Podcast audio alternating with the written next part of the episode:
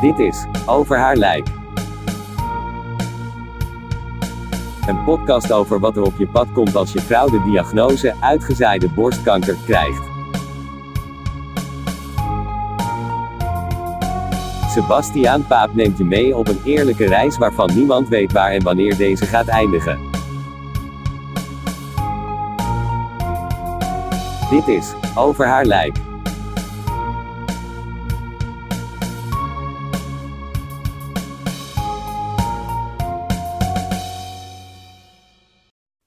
Hey, hallo en heel erg hartstikke welkom bij alweer de achtste aflevering van Over haar lijk. Het is een eh, rare periode. Deze aflevering volgt ongeveer een week na de vorige. Oh, oh precies een week. Ja, eh, precies een week na de vorige aflevering.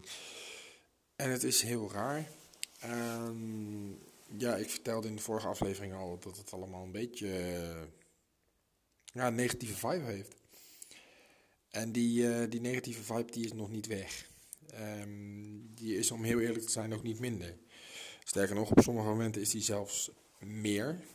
En ja, ik wil hem toch eventjes... eh, ja, ik weet het niet. Dat is natuurlijk hoe deze podcast bedoeld is. Is eh, bedoeld als een podcast voor mij om een beetje van me af te praten. En dat doe ik dan ook. Ehm, maar ik merk wel dat ik eh, steeds minder goed weet welke woorden ik moet gebruiken.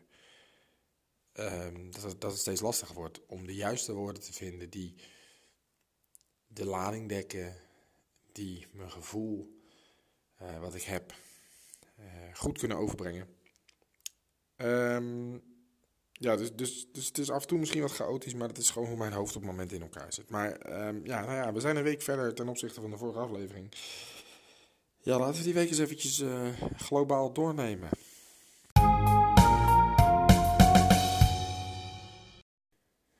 Want het, eh, het was geen makkelijk weekje. Vertelde ik in de vorige aflevering al dat het eh, hard achteruit aan het gaan was. En dat ik zelfs al eh, ja, stukken tekst voor eh, kaarten heb bedacht, zeg maar.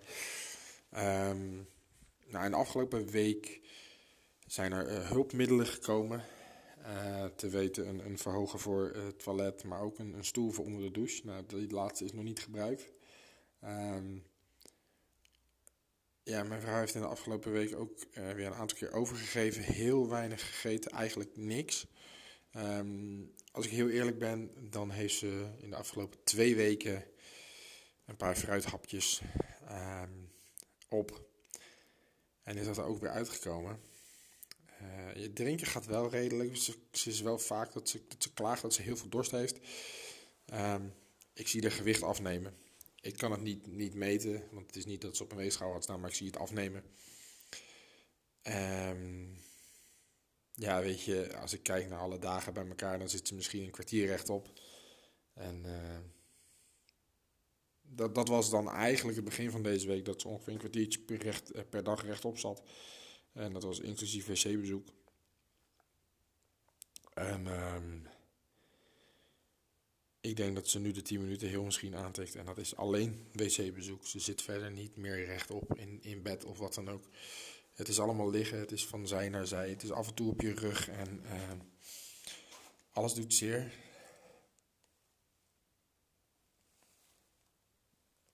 Eh, in de, afgelopen week, op de 24e, is ook. eh, dat is nu een, een dag of twee, drie geleden. Twee eh, geleden is er een nieuw matras geleverd. En eh, dat is een matras speciaal bedoeld om, om doorlichtplekken tegen te gaan en om de pijn te verzachten. Die doen niet heel hard zijn werk. Het is echt nog, eh, nog heel pijnlijk allemaal. En het is allemaal. eh, ja, het schiet niet op. En ze is eigenwijs. Want een andere pijnstiller, of een, een heftigere pijnstiller, of, of, of een verhoogde dosering van de huidige pijnstillers, daar wil ze niet aan. Sterker nog, ehm, in de afgelopen anderhalve week heeft ze alleen nog maar eh fentanylpleisters geplakt. Eh, en dat ook op aandringen van mij. Omdat ik zeg, ja, als je pijn hebt, moet je daar iets aan doen. En dan zijn die pleisters zijn een perfect middel, want die, die geven gedoseerd af. Laten we dat nou doen.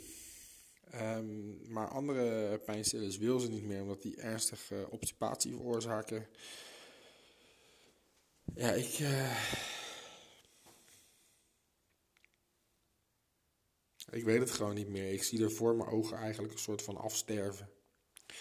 En ik heb daar vandaag uh, met uh, ja, onze trouwambtenaar, wat ook gewoon een hele goede vriend van de familie en ook een dominee is, heb ik het daarover gehad. En die zegt ook, ja, weet je, um, ze eet niet, ze drinkt weinig, ze krijgt geen vitamines binnen. En weet je, als je over bomen hebt, kijk, mijn vrouw wil heel graag vechten. Die wil um, die wil niet wegkwijnen, die wil vechten, die, wil, die is ervan overtuigd dat, dat God geneest. Um, maar wij hadden het erover, en als een boom zeg maar geen voeding meer krijgt, dan gaat die verdorren. En een dorre boom kan tegen geen enkele windvlaag vechten, die knakt meteen om. En dat is een beetje de metafoor die, die voor mijn vrouw ook geldt. Geen vitamines, um, geen voedingsstoffen. Ja, op een gegeven moment ga je dan verdorren.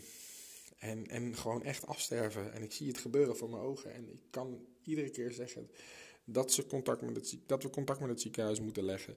Dat we de huisarts moeten laten komen. Maar ze weigert gewoon. Ze wil geen medische zorg meer. En ik vind het echt heel kut dat ik dit nu moet zeggen. Maar als het in dit tempo doorgaat. Dan twijfel ik of ze volgende week haalt. En dan ben ik echt heel bang. En dan ben ik nu al. Dat als ik de kinderen naar school heb gebracht. Dat ik thuis kom. En dat ze gewoon gestopt is met ademhalen. Dat het gewoon niet meer werkt.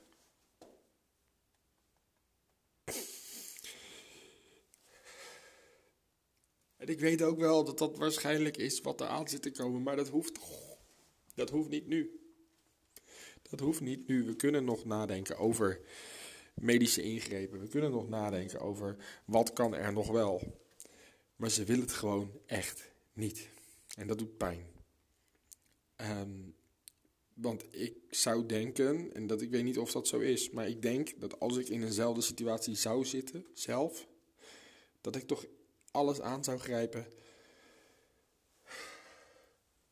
En dat heeft ze ook gedaan. Ik, ik, kan ook, ik kan er niks anders van maken. Ik kan niet zeggen dat ze er niks aan gedaan heeft. Want ze heeft alles aangegrepen. En ze doet er alles aan. Maar ze weigert nu pijnstilling. Omdat het een suf maakt. En ze wil liever nog een beetje iets meekrijgen. Maar ondertussen ligt ze eigenlijk de hele dag te slapen en krijgt ze niks mee. Krijgt geen voedingsstoffen binnen. Kan niet vechten, want het is niks. En ik zie er voor mijn ogen zie ik er afglijden en afsterven. En ik kan niks doen. Ik kan niks, alleen maar. En dat heb ik vannacht gedaan, omdat ik niet kon slapen. Alvast dingen opschrijven die ik in de rouwkaart wil gaan zetten. Die ik wil gaan zeggen bij de uitvaart. Want ik ben heel erg bang dat ik ze binnen een paar weken nodig heb.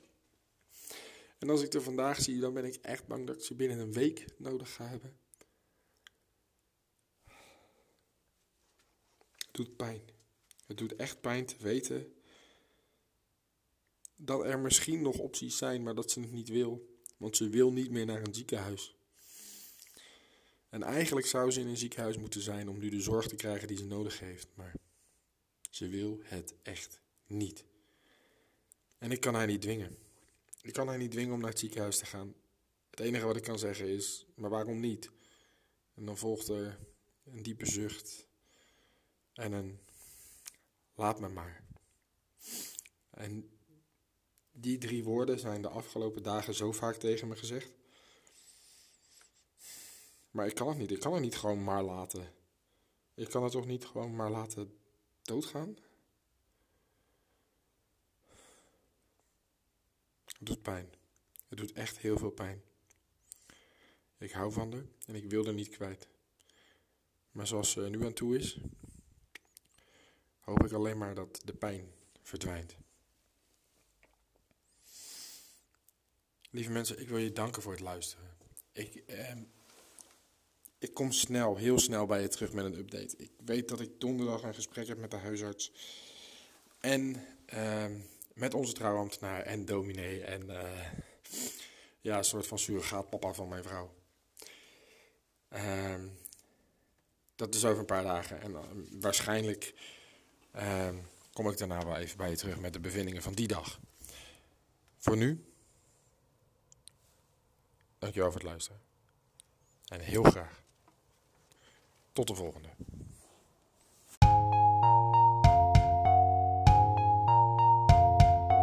Bedankt voor het luisteren naar Over haar lijk. Vergeet niet te abonneren en volg Sebas van de radio op Instagram en Twitter.